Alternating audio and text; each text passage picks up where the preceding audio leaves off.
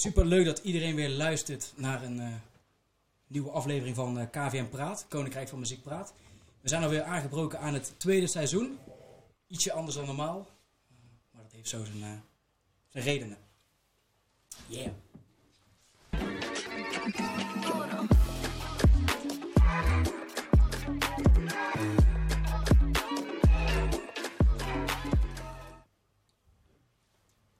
Yes, en vandaag hebben wij een speciale gast in ons midden. Niemand minder dan eh, Peter Sanders. Peter, zou jij jezelf eh, even voor willen stellen? Ja, ik ben Peter Sanders. Ik ben eh, ja, eigenlijk organisator van, van Paaspop. En, ja, en dus ook eh, en eigenaar van die Event Warehouse. Eh, daarnaast heb ik nog een restaurant in Schijnel op de markt, Jans en Jansen. En ja, zo kom ik eigenlijk de dagen en de weken door. Ja, ja precies. Nee, klinkt, eh, klinkt heel interessant. Eh, wij kennen elkaar natuurlijk van onze samenwerking ook. En de, en de vele dingen die we samen hebben gedaan. Eh, ja, je stond al, al lang op ons lijstje. We wilden sowieso al vaker met jou praten, jouw verhaal horen. Dus we vinden het heel fijn dat je er bent. Bedankt daarvoor. Ehm, om meteen maar met de deur in huis te vallen. Want ik denk toch wel dat veel mensen dat heel interessant vinden om te weten. Niet om negatief af te trappen, maar meer om meteen het, ja, inderdaad met de deur in huis te vallen. Eh, Paaspop 2020. De coronacrisis. Hoe is het met jullie? Hoe, is, hoe gaat het nu? Ehm, ja, het is natuurlijk, eh, ik ben blij dat het nou voorbij is. Eh, het was extra heftig, vond ik, omdat ja, ten eerste had natuurlijk nooit durven dromen dat, dat, dat Pasen niet zou doorgaan. En zeker niet, niet zou doorgaan door een virus. Als ze dat tien jaar geleden gezegd hadden, of vijf jaar geleden, had ik natuurlijk niet geloofd. Dus eh, alleen ja, toen het virus zijn intrede deed en, en, en duidelijk werd en vooral samen scholen eh, veel besmetting veroorzaakte, ja, werd het al vrij snel duidelijk van, begon ons te realiseren. Ja, iedere dag werd het duidelijker van ja, de kans dat paas op doorgaat, die, die, die slinkt iedere dag verder. En, eh, dus wij hadden het al deels geaccepteerd, maar ja, het blijft ontzettend heftig. En ik vond het extra heftig omdat het eh, zo ontzettend mooi weer was. Ja. Eh, ja goed, ons festival is natuurlijk in tenten en we hebben verwarming en alles, maar we hadden vorig jaar een editie met eh, 28 graden. En meestal is het dan, duurt het dan, de vorige keer dat het eh, 28 graden was, eh, was 2011, dus er zit acht jaar tussen. Dus meestal is het dus acht jaar wachten. En nou, in één keer had volgend jaar zo'n ontzettend mooi weer. Eigenlijk nog mooier weer dan eh, het vorig jaar. Gewoon net iets Ja. tikkeltje minder heet. En s'avonds uh, ja, koelt het lekker af, komt iedereen de tent in. Dus eh, ja, wat dat betreft eigenlijk heel erg heftig. Maar goed, we zijn de eerste, maar niet de enige. En eh, ja, het, het blijft heftig voor ons allemaal, voor al onze collega's, voor al die andere festivals. En we waren op zich ook wel blij ja, toen het nieuws er was. Ja. Ook opgelucht, dan weten we nou in ieder geval waar we toe zijn. Ik ben het ook eens met al onze collega's van, ja, beslis daar Mm. gewoon twee, drie maanden van tevoren. En ga niet eh, elke keer per vier weken zeggen wat er allemaal wel of niet door mag gaan. Dat is voor, ja, voor organisatoren van evenementen eigenlijk niet te doen. Ja. Ja, nee, inderdaad. Want je bent aan de achterkant natuurlijk dan van alles aan het voorbereiden. En eh, je, je hebt de klap natuurlijk eigenlijk al een soort van eerder gehad. Ja. Zodra het nieuws er is dat je het waarschijnlijk moet aflassen. Ja, dan gaat je bedrijf natuurlijk wel op zijn kop. In die zin dat je, dat je met iets moet dealen waar je gewoon nooit aan zag komen. Ja, Wij zagen één, eh, je hoort natuurlijk overal dat Paaspop voor het eerst sinds 40 jaar af wordt gelast. ja. Wij hadden een, eh, een, een, een, een weetje gevonden dat in 1988 Paaspop ook een keer niet door was gegaan. Klopt dat? ja deze, want ik ben in 1990 begonnen, dus dat is twee jaar Ja, voor mijn tijd geweest. En ik weet eigenlijk niet meer, ja, dat zou goed kunnen, maar ik weet eigenlijk niet precies waarom. Misschien omdat het programma niet goed rondkreeg of zo. Zoiets, ja. Ik Ja, weet niet het is volgens mij daarvoor ook nog een keer niet doorgegaan. Omdat, eh, maar toen was het natuurlijk helemaal eh, zo lang geleden. was een van de eerste festivals natuurlijk in Nederland. Ja. Eh, het is volgens mij ook een keer niet doorgegaan. Dus de stroom van een of andere boerderij af hadden getrokken en er ging mis. En toen, ja, toen eh, kon het festival helaas ook niet doorgaan. Ja, Ja. ja. Nee, dat vonden we wel een, eh, wel een, eh, wel, wel, wel een grappig dingetje. Ja. Maar het was niet door een virus in ieder geval. Nee, nee, nee, nee, nee, nee, gelukkig niet. Gelukkig Peter, je bent dus in 1999 eh, 1990 begonnen bij Paaspop of bij Paaspop komen werken. Eh, hoe ging dat in zijn werk? Hoe ben je daar terechtgekomen? Ehm, ik ben eerst een paar jaar vrijwilliger geweest, want er, er zat eigenlijk een generatie boven mij, die eh, ouder waren als ons, die met een man of dertig paas op organiseerden. En dat was een heel bijzondere club. Die eh, hadden iedere week vergaderingen en dronken ze vijf vaten bier leeg met z'n allen. En, eh, maar goed, die zijn tegelijk eigenlijk met, eh met Pinkpop eh, festivals begonnen. Pasen begonnen in de manege. Eigenlijk eerst in Den Hert, was een cultureel centrum midden in Schijland, toen naar de manege toe. Eh, die wilden verjongen en toen hebben ze vijf jongeren gevraagd uit Schijndel waarvan ik er één was. En toen zijn we ze vijf... Eigenlijk in 1989 hebben we eerst een concert van Normaal georganiseerd in Manege. Maar toen wij het overnamen, eerlijkheid gebied te zeggen, toen kwamen er op nog maar 1500 man. En wij hadden toen dat concert van Normaal, dat was een gekkenhuis, was uitverkocht. En de eerste paas in 1990, die, eh, die was ook 2500 man. Dus eh, dat was wel meteen ja, serieuze vooruitgang. Maar wij waren natuurlijk ook jong toen, ik was toen begin 20. En eh, ja, ik vond het waanzinnig mooi. Ik, weet niet, ik, ik weet wel toen ik nog studeerde. Ik heb eerst op het ateneum gezeten en daarna op de HAO. Maar toen ik op de HAO zat, had ik al zoiets van... Oeh, toen ik stage liep van... Oeh, ik moet wel zorgen dat mijn werk later mijn passie wordt. En eh, ja, dus ik ga of een kroeg beginnen. En ik drumde heel veel of ik wil wereldberoemd worden als drummer in een band. Of ik eh, ga festivals eh, organiseren. Ja goed, en toen ik dus voor Paas op gevraagd werd... eerst was vrijwilliger, dat was ook super laag. Dat was natuurlijk een heel andere tijd, hè. Want eh, ik stond bij de ingang en samen met een coördinator. En dan... ging de kassa op slot om 8 uur en dan kwam er om, eh, om eh, tien over negen iemand binnen. En dan, eh, ja, wat moet ik betalen? En dan zei de coördinator, die had een sigaar in zijn rechterhand en die, die zei zo, oh, doe me 100 gulden. En dan, eh, dan pakte hij die 100 gulden en die gaf hij aan mij. En dan, ja, ga ik even bommen halen en breng ik meteen bier mee. En zo... ja, heel, het is een heel mooie, ja, ruige tijd geweest waarin de brandweer ook altijd een uur van na opening festival hartstikke dronken was. En ja, dat kon toen allemaal, hè. Dat was allemaal, het is nou allemaal zo professioneel en zo strak. En toen was het nog echt een, eh, ja, een gekkenhuis, gewoon. Heel, eh, ja, ja, echt, ik kan er eigenlijk uren over vertellen hoe het toen allemaal was. Ja, ook wat Pasen was ook anders, was nog... Vooral bijvoorbeeld de artsendeling ziet het heel erg aan. Bij Pasen zit een klein kroegje, het Kiske. En dat was toen destijds, was daar, Mhm.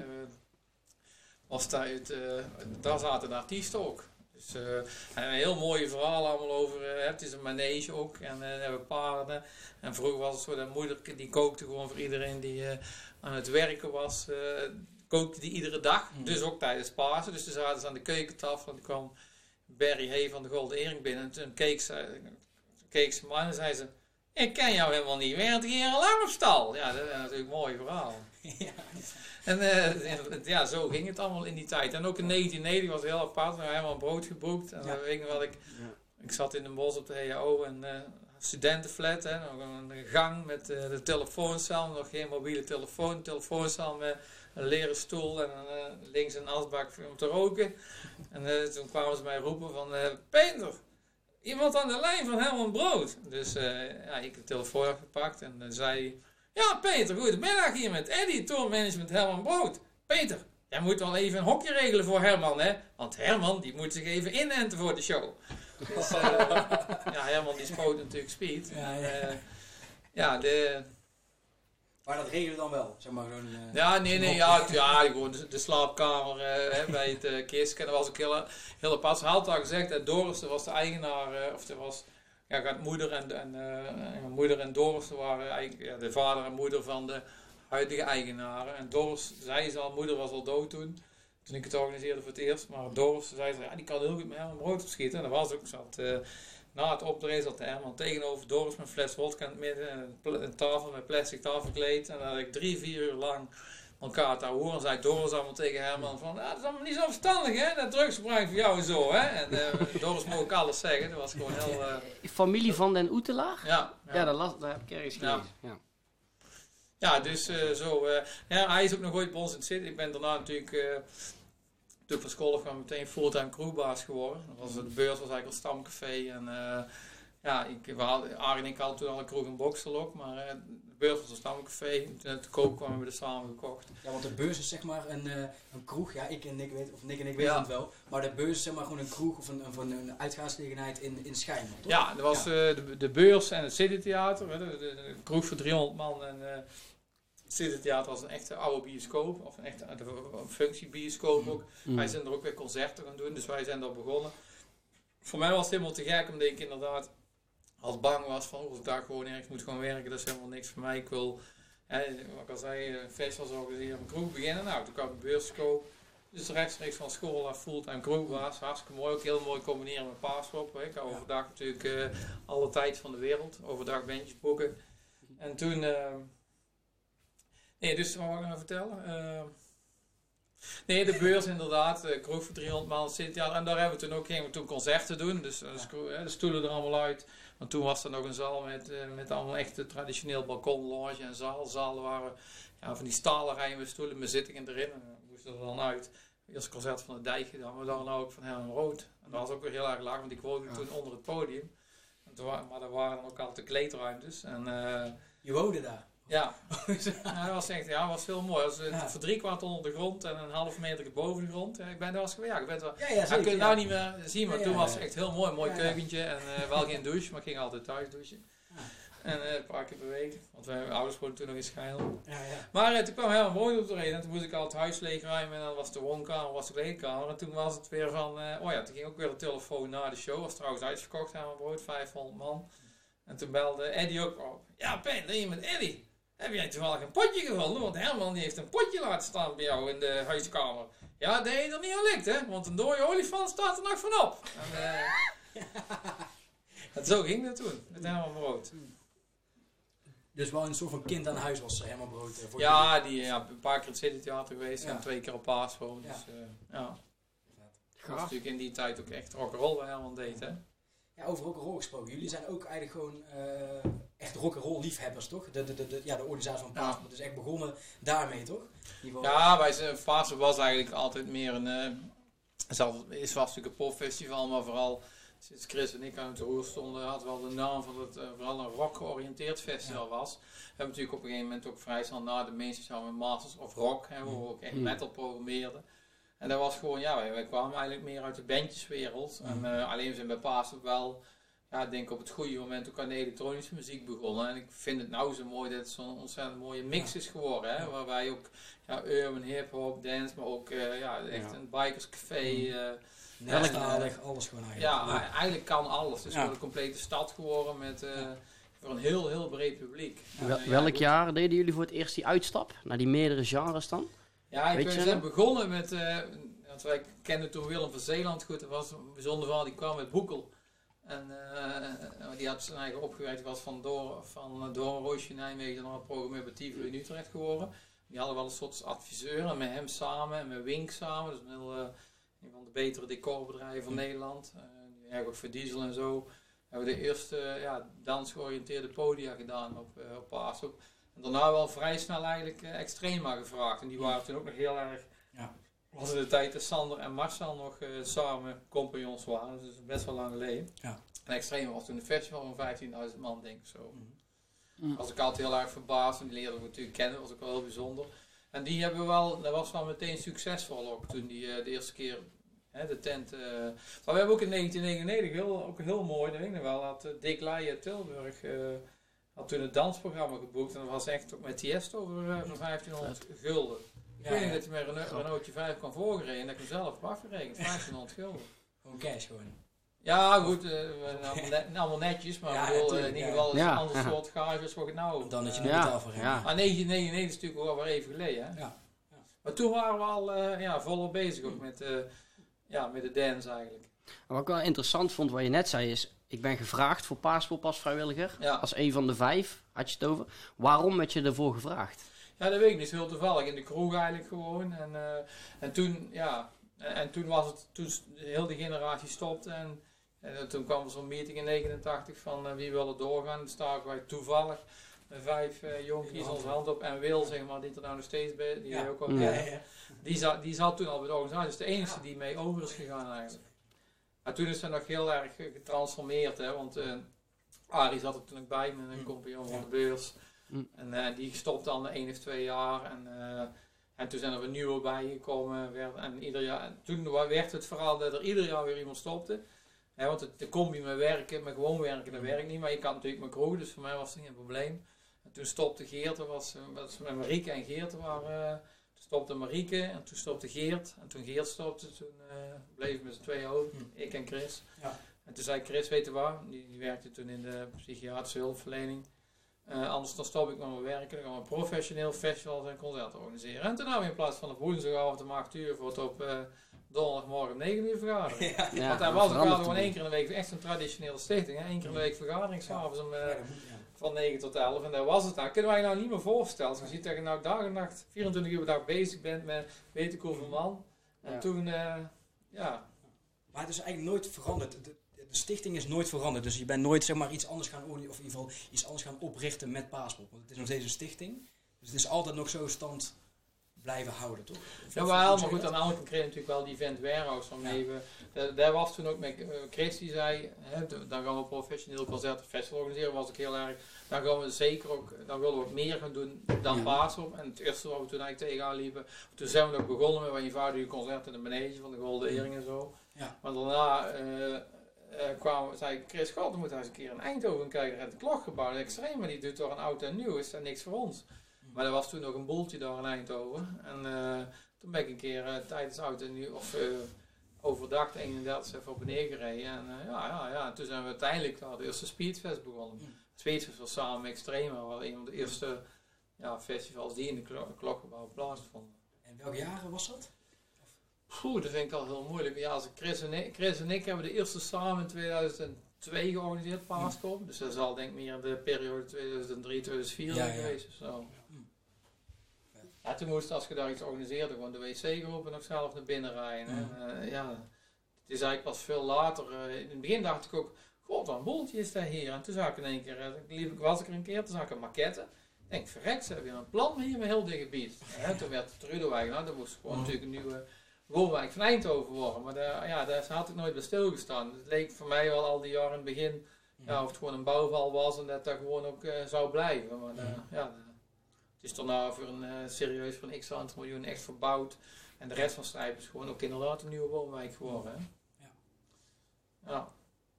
Maar ik vind Klokkenbouw nog steeds wel echt eh, ja, waanzinnig om daar te komen ook. En ook ontzettend mooi om dat dingen te organiseren. Ja, want inderdaad, daar organiseert dus ook heel veel, heel Ja. veel evenementen op Ja. jaarbasis. Met de Event Vooral, eh, Warehouse. Ja, met die Event Warehouse. Ja. Misschien kan je iets leuks vertellen over die Event Warehouse. Wat is het precies en ja, welke evenementen organiseren jullie? Wanneer is dat ontstaan? Nou, iets leuks kan ik er bijna niet over vertellen. Maar, eh, nee, eh, meer, nou, eh, ehm, ja, wij, Chris en ik hebben toen gezegd, oh, dan Paasop is gewoon Stichting Paasswap en, eh, en, de, en de rest gaan we doen gewoon onder eh, die Event Warehouse. Tegenwoordig gewoon die Event Warehouse BV. Ja.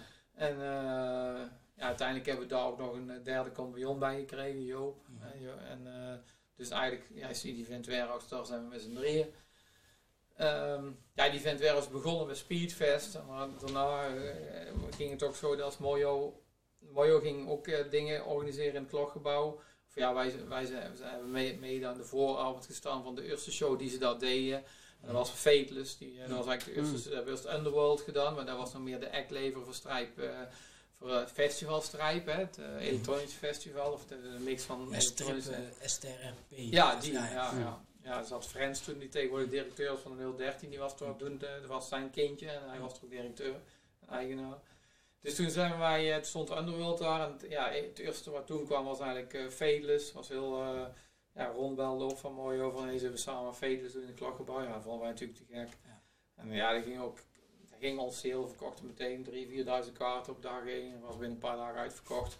Konden ook de Fateless ook nog aan, dus ze gingen stoppen. Dus het was ook nog eigenlijk de laatste show in Nederland uiteindelijk.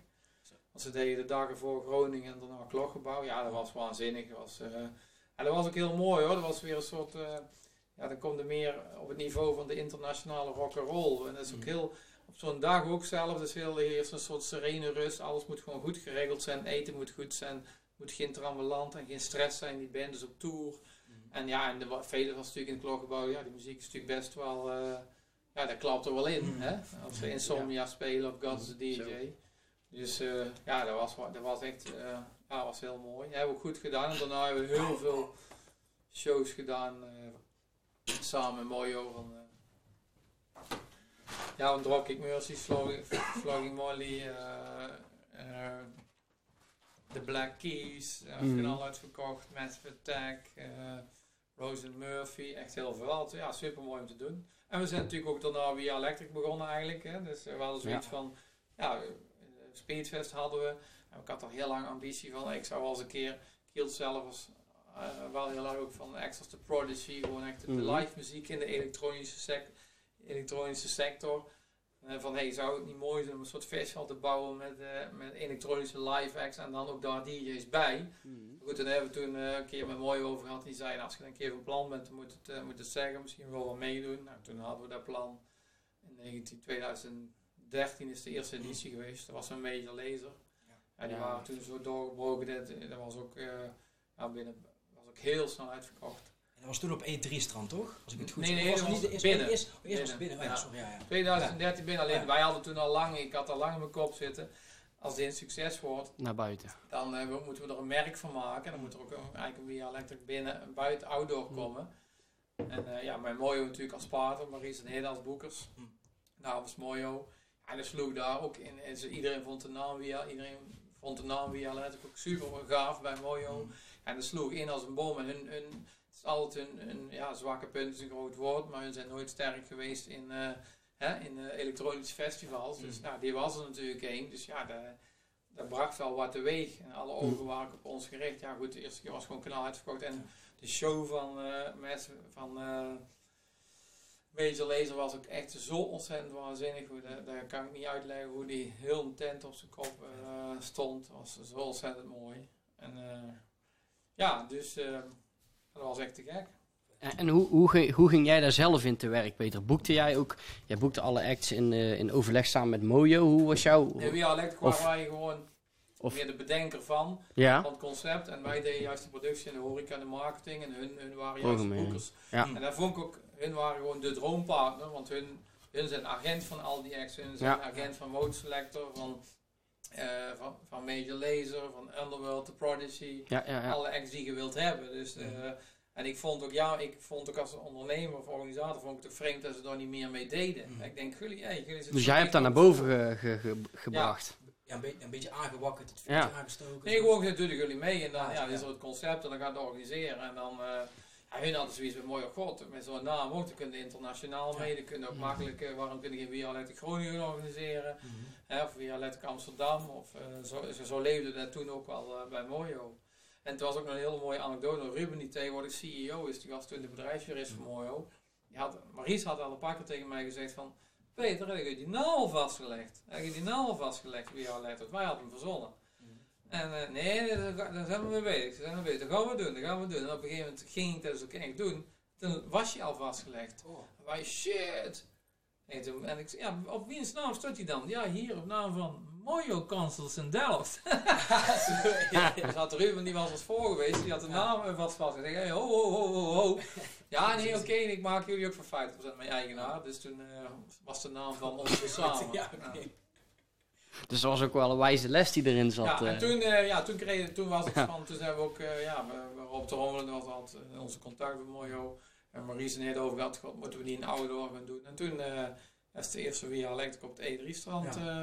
of wij mochten, wij gingen, wij, ja, wij gingen de locatie eh, eh, zoeken. Dus eh, ja, we, dachten laten we het in Brabant zoeken. We Via Electric Weekend, er moest eigenlijk gewoon een festival worden. Eigenlijk een soort eh, Lowlands van de dance. Mhm. Meerdaags, met camping. eh, en dan drie dagen, hè, eh, één stage, main stage met een grote elektronische live acts. Mhm. En dan gewoon de rest van de, een aantal podia waar je lekker kunt dansen.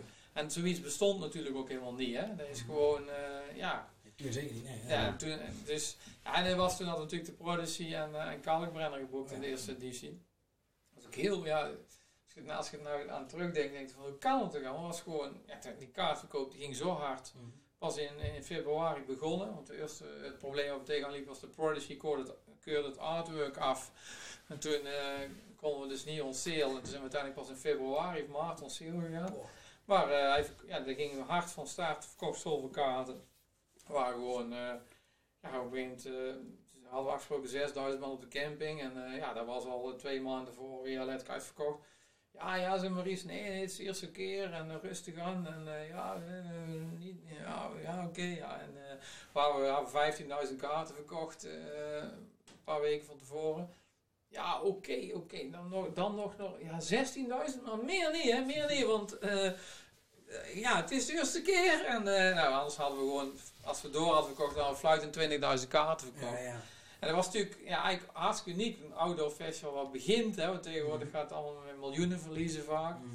En dat wij gewoon uitverkocht waren. En toen dacht, toen dacht iedereen van, ja, die, die Via Electric, dat wordt echt helemaal de brand. Want Mhm. daar gaat het helemaal worden. Natuurlijk ook ideale partners. Wij als, wij zijn, ik denk, Ja. om te zeggen, ik denk dat wij echt heel veel verstand hebben van productie en horeca. En op, ja, op een strakke, kleine schaal, op onze Mhm. eigen manier te doen. Dat ook redelijk budgetvriendelijk is, hè, hoge kwaliteit, maar wel hè, met onze eigen bedrijven waar we vaak mee werken. Ja, de, ja dat had heel veel, eh, ontzettend veel potentie eigenlijk. Ja. Eh, Sorry, misschien heb je het al gezegd, maar welk jaar was de allereerste Via Electric? 2015. 2015. Dus 2013 in het klokgebouw, 2014 in het klokgebouw. Ja, 15 Toen, eh, naar buiten. 15 buiten, ja. Zo bij de klokgebouw was elke keer in november. Ja. Eén week Speedfest. Eerst de Violet, kan de week erop Speedfest en dan de productie Ja. combineren. Zo is het ook eigenlijk begonnen. En dan kunnen we gewoon Ja. alles laten staan. En dan, eh, ja. En heel interessant, eh, Jasper zei het eh, ooit al in een podcast eh, naar voren. Natuurlijk van, mensen denken altijd heel erg paaspop. Maar dat er juist de Event Warehouse ook nog zoveel festivals, events en allerlei andere dingen doet gedurende het jaar. ja. Ehm, en dat, dat is natuurlijk ook wel heel kenmerkend. Dat veel mensen het ook niet weten, maar dat het natuurlijk wel zo is. ja. En hoe komt dat, denk je, dat dat, dat, dat zo is? Ja, dat weet ik niet. Ja, dat is het niet weten of, dat, Of of, is dat, of wij het organiseren, Nou, bedoel je? ik denk dat, dat, je misschien niet... ik denk dat iedereen weet wat er georganiseerd wordt, maar dat de event warehouse er dan boven hangt, dat is vaak ook nog wel eh, dat niet iedereen zich daar bewust van is, denk ik. Maar, Ja. ja, hoe komt dat, denk je? Dat, althans, zo, Ja. zo hebben wij het een beetje eh, ervaren, toch? Ja, een beetje. Ja, Of misschien is dat bewust, zeg maar. Dat Ja, precies. Dat kan ook zo zijn, ja, toch? Ja. dat is meer de vraag. Wat is daar... Ja, ik weet het ook niet. Het is moeilijk. want ik- Misschien omdat wij het tegenwoordig die event warehouse noemen en het vroeger Paas op events was. Hè. Als het Paas event is georganiseerd, dan denkt uh, van sneller, oh, dat zou toch zomaar ook bij Paas te maken kunnen hebben. Ja, ja, ja, dat snap ik. Dat snap Maar eh, ja. ja, ik, ik weet, ik vind het ook een mo- moeilijke, moeilijke vraag. Ja. Ja. En misschien is het misschien in het, in het begin niet heel bewust. Want ik zie nou bijvoorbeeld wel, ik heb ook veel contact natuurlijk met, met Jasper, et cetera. En die zijn nou ook bezig met heel de rebranding van, eh, van de Event Warehouse. Ja. Nieuw logo, nieuwe website. En juist op jullie nieuwe website willen jullie juist laten zien met wie jullie allemaal samenwerken. Ja, dat klopt. Ja. We hebben ook nooit zo, eh daar moet ik er ook bij zeggen, we hebben nooit, zo, nooit tijd of energie gestopt in het naar buiten brengen van wat we allemaal doen. Dus het zit, Ja. daar, daar zit het misschien wel onder de radar. Hè. Dat zou ook heel goed kunnen. Maar eh, ja, we zijn dan nou onder andere met een website bezig. Maar we, ja, we organiseren natuurlijk al eh 10 of 15 Ja. jaar onder de naam die event warehouse van alles. Dus eh daar heeft misschien ook wel mee te maken. Maar ik heb nog één vraag over We Are Electric. Waarom heb je voor Brabant gekozen? Dat vind ik wel een eh Ja. interessante. Ja, dat weet ik niet. Ja, het klokgebouw Eindhoven vond ik wel. Ik vind het klokgebouw in Nederland toch wel een van de mooiste locaties om een Mhm. festival te organiseren. Meer zalen. kan niet zoveel. Ja, de, de, de alternatieven dat zijn vaak te veel grotere, die ook niet die, niet die sfeer en die beleving hebben. En ook niet die, akoes, die kwaliteit op akoestisch gebied. Eh, eh, dus ja, dus klokgebouw, dat vind ik een eh, hele voor de hand liggende. Eh, ja, en dan het festival, ja, ik weet niet. We hebben toen ook eigenlijk alleen maar voor andere Brabantse locaties gekozen. En, eh, ja, aan de andere kant is, zou hier letterlijk zo landelijk moeten zijn dat het niet uitmaakt. En in Brabant liggen de locaties wel meer voor het oprapen of nog meer voor de hand dan natuurlijk in Amsterdam. In Amsterdam komt natuurlijk, dus weten we allemaal, als die NSDM-werf, als er een keer iets mee gebeurt, die woningbouw komt steeds dichterbij. Ja, dan, dan gaan alleen maar locaties afvallen. Ja. En heeft natuurlijk een aantal, daar hebben we toch net iets meer ruimte en mogelijkheden. Daarover gesproken, wij zagen dat in 2010 Paaspop voor het eerst een driedaags festival werd. Als het goed is, is het 2011 geweest. Ja. Oké. Maar, het, maar het kan goed zijn, de verwarring dat het, het is Ja, wel on sale gegaan in 2010. Misschien is het hem daar ja precies. Toen hadden we vrijdag inderdaad eh Anouk geboekt. En, Ja. eh, en toen, ja, voor het eerst drie dagen. En eh, ja, dat was, was toen, die vrijdag was ik uitverkocht. Was, eh, Zo. dat was het Ja. andere jaar dat het 28 graden was. was nog heter als vorig jaar. Ja, ik ben ooit bij Paashoek geweest toen er nog een tweedaags festival was. Maar, eh, misschien 2008 of zoiets. Jong manneke nog. was ik 14, 15, 15, 15 denk ik. Jong manneke aan het pilsen. Precies. Nee, maar ja, in 2010 voor het eerst, een- of ja, 2011 dan voor, eh, voor het eerst een driedaags festival. 28 graden. En nou, eh, ja, dat, bruggetje wilden we ook wel maken. 2020, eh, dan Vijf- voor het eerst Ja, 25 graden. 25 graden. Eh, Ja, voor het eerst sinds lange tijd geen editie. Ehm, moeilijke beslissing. Coronatijd. ja, wij wilden ook wel weten nog, we hebben het net in het begin al een beetje aangewakkerd, maar hoe is het voor jou als organisator, die ook zo, eh, als, ik, als ik je verhaal ook zo hoor, dan is het natuurlijk ook heel, heel erg vanuit eh, eh, interesse, enthousiasme en zo begonnen. En nu voor het eerst sinds die tijd is het afgelast. Daar is wel een flinke knal, denk ik. Of, Ja. Hoe is dat voor jou persoonlijk, zeg maar, als organisator? Dat is meer de vraag. Nou, ehm, kijk, dat het niet doorgaat, dat is allemaal. ehm, dat is al verschrikkelijk. Alleen Ja. het de belangrijkste emotie is dan de angst Ja. voor de toekomst. Hè? Van, als het dan weer gewoon in 2021 komt, dan ben ik het alweer snel vergeten. Maar ja, als er natuurlijk iets als 2021 in gevaar komt, dan, ja, dan praat je weer over iets heel anders. Hè? Ja. Dan praat over. eh, ja, ja, dat heeft zo ontzettend veel consequenties. Mhm. En, eh, en het heeft ook heel veel consequenties aan, het- aan, aan de kant van de toeleveranciers. Hè? Want eh, ja, het, het had niet ongelukkiger gekund. Hè? Ja, die komen allemaal uit de winter, 0 euro omzet. Ze zijn Ja. aan het, de spullen aan het repareren. En die staan allemaal zwaar in de min. En dan begint het festivalseizoen eh, op, in Schijndel. Ah. En, dan, eh, en dan gaan ze langzaam weer die zomer in. En, eh, en komen ze zo weer langzaam boven Jan. Maar die zitten nou op hun zwakste punt qua liquiditeit en alles Ja, en met hoop personeel.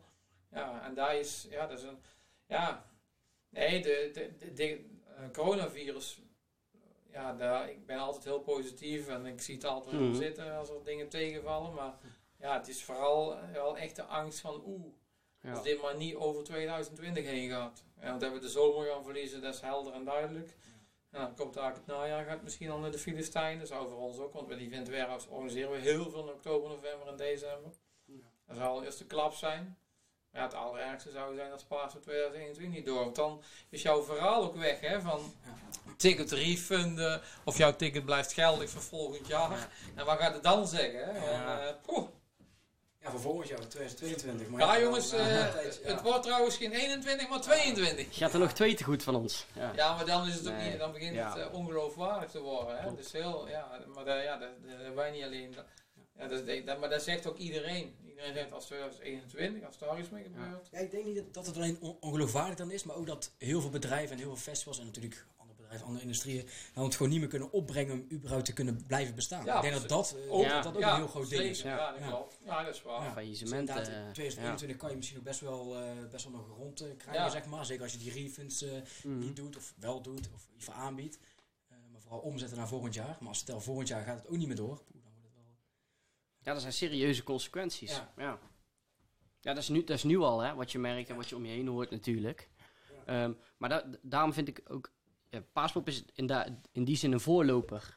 De eerste eh, die, het, die, het gaat, eh, die, die het af heeft gelast, die is eh, samen met Rebirth. Maar die in, dat is wel de stap geweest voor een heel festivalseizoen. Dus in die zin denk ik dat veel mensen naar jullie gekeken hebben. Of naar. Paaspop gekeken hebben van... Oh, zo, die gaan aflassen en die volgen het traject. En die vinden daar iets van. Of die hebben daar een mening over. Of die, die willen daarover meepraten. Maar voor jullie is het natuurlijk wel echt... Ja, jullie zijn de eerste in die zin geweest. Ja, dat klopt. Ja. Nee, dat is, ja, het is ook heel toevallig dat ja, het virus manifesteert zich ook meer in de winter natuurlijk dan in de zomer schijnbaar. Dus Mhm. hè, dat is niet ondenkbaar. En ja, wat ook nog allemaal kan is, het is gewoon wachten op het vaccin. Daar, is, daar, daar ben ik heilig van overtuigd. En daar zijn de geluiden positief. Hè. Ik heb eh, de voorzitter van het, eh, de Europese Commissie had het over, eh, zeker in december. En gisteren verschenen er berichten september. Maar goed, gisteren verschenen er ook berichten van Amerikaanse wetenschappers die wel zeiden... Nee, festivals en eh, voetbalwedstrijden dat is pas weer in het najaar van 2021. Ja, daar moeten we denk ik allemaal niet hopen dat dat niet waar is. Nou ja. Nee, dat denk ik ook niet.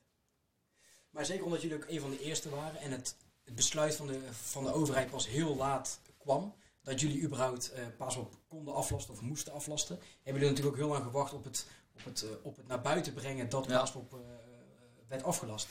Hebben jullie daar echt, ehm, eh, ja, ja, hebben jullie gewacht op het besluit van de overheid? Of- Ja. ja.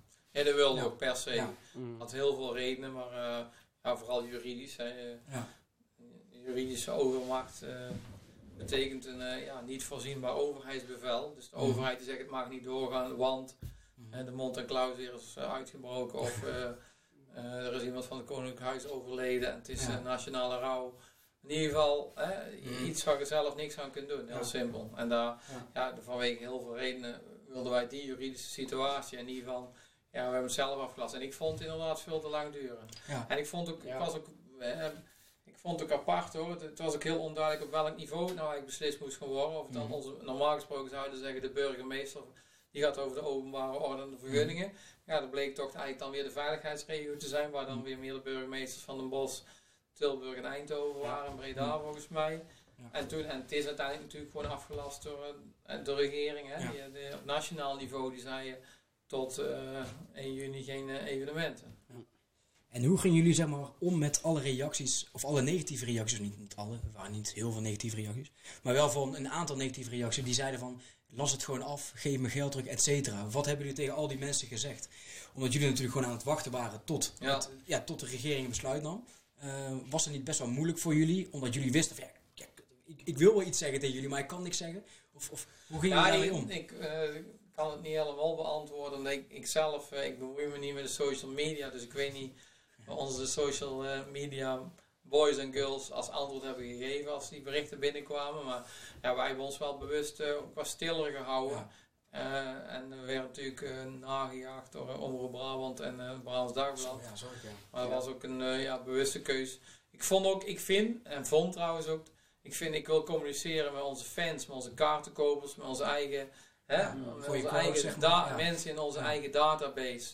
Hè, de Facebook vrienden en de, en, de- en de kaartkopers, daar wil ik aan en, en wat dat betreft, en Brabants Dagblad probeert er een soort nationaal verhaal van te maken, maar ja, daar hebben wij als festival echt totaal geen boodschap aan. En ik wil het ook niet eerst tegen het Brabants Dagblad vertellen Omroep Brabant en dan tegen onze eigen fans. Nou, En wat je kreeg is dat onze berichtgeving aan onze eigen fans, die werd dan af en toe eh, overgenomen. De Brabants Dagblad die maakte dan een of ander lulverhaal van waarvan geen kanten klopt. En waar- waarbij ze af en toe ook gewoon de plan comple- compleet missloegen. Omdat ze maar begonnen te gissen in de krant. Vond ik zo onvoorstelbaar. En toen was op een gegeven moment ook het hoge woord eruit. Ehm, daarna zijn jullie ook in, in, toen zag je bij jullie ook een statement van, van Chris natuurlijk naar buiten komen. En daarna een, een huiskamerconcert van Direct. En eh, ook een livestream met verschillende acts. Met onder andere Smerg, waren wij ook heel blij mee, eh, Peter, zeker. Nee, maar zo zag je, zo zag je ook jullie eh, eh, daarin naar buiten komen. En heel origineel en, en in die zin ook uniek. Ik vond huis, we vonden het huiskamer van, huiskamerconcert van Direct wel echt een hele creatieve Ja, jullie hebben echt de commitment met jullie bezoekers, de kaartenkopers zoals je zegt, die was er meteen wel. Dat was Ja. iets waar jullie met, meteen in die mode schoten. Hoe, hoe, hoe hebben jullie op kantoor dat bedacht? Ja, het was meer zo, we moeten iets doen. En we hadden eerst eigenlijk een ander idee. We wilden de letters I en Paas op, op het eh, festivalterrein zetten. En, eh, ja, en daar dan eh, een aantal artiesten vragen om op te treden. Maar ja, het was allemaal heel erg last minute. Hè, want eh, de- ja, Ja, Dus daar hebben we drie artiesten voor gevraagd, maar die, ja, die hebben toch alle drie voor gekozen om het niet te doen. mhm. Dus eh, ja, en toen is de, de, de idee ontstaan van oké, dan gaan we gewoon streamen. En eh, achteraf, want ik ben de afgelopen drie dagen tijdens Pasen iedere dag ook even op het festivalterrein geweest. En het was leek wel een bedevaartsoord. Hè, want eh, ja, iedereen die komt toch even langs gefietst. Ja? En, eh, Oh. dus daar hadden we achteraf nog wel meer mee mogen of moeten doen. Misschien hadden we die letters gewoon neer moeten zetten. Iedereen die een leuke foto maakt of zo. Maar eh, ja, inderdaad, nou hebben we dit gedaan en dat was wel, eh, Ja. ja, Succes wel gewoon. ja, Ja. daar zijn we wel blij mee. Ja, zeker. Ja. Ja, wij waren ook best wel blij dat wij eh, daar een Ja. aan mochten doen met onze livestream natuurlijk. We doen natuurlijk al een paar weken elke vrijdag een livestream, maar eh, het was dit keer ook wel weer leuk. Ja. Veel Ja. bezoekers, veel unieke luisteraars. ja, mensen om ons heen eh, schieten natuurlijk allemaal in die creatieve oplossingen. Dat is ook wel heel leuk om te zien. Ja, Waar je ook zonder, eh, ja, ook wel zonder financiële middelen soms toe in staat kan zijn. Of waar je eh, om je heen een beetje ziet, hè? Ja, als ik het moest doen, zou ik had ik misschien wel voor gekozen om in het Citytheater of zo eh, in een zaal te gaan zitten en dan gewoon met Dennis Wening en dan Mm. echt een programma te gaan maken. Ja. Maar ja, ja dan, eh, dan moeten we er wel wat meer middelen tegenaan gooien natuurlijk. Maar Ja. eh, Ja. Hè, met echte optredens. En ik snap wel dat buiten optreden op het gras.